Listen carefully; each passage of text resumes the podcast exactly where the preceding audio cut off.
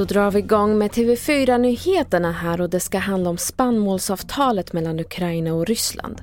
Putin vill inte förlänga avtalet men Ukrainas president Zelensky vill fortsätta exporten utan Ryssland trots att avtalet löpte ut igår kväll. Hur det påverkar Sverige är ännu oklart men det kan leda till högre priser på livsmedel. Ja, det är ju mjöl och gryn och vegetabiliska oljor. Men även djurfoder påverkas ju så även köttpriser och mjölkpriser kan ju i det långa loppet också påverkas av, av en prisförändring på spannmål. Det sa Lars-Erik Lundqvist på LRF. Tre pojkar i 15-årsåldern är misstänkta för att ha bränt ner en skolbyggnad i Hylte i Hallands län under natten.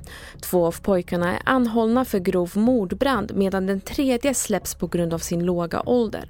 När räddningstjänsten kom fram var byggnaden redan övertänd och det gick inte att rädda. Kallt väder behöver inte skona dig från fästingar, det visar en studie från Sveriges lantbruksuniversitet. Fästingar kan vara aktiva i lägre temperaturer än man tidigare trott och vården behöver räkna med sjukdomar som sprids via fästingar även under vintern, menar forskare. Fler nyheter finns på tv4.se och jag heter Merjem Jamil.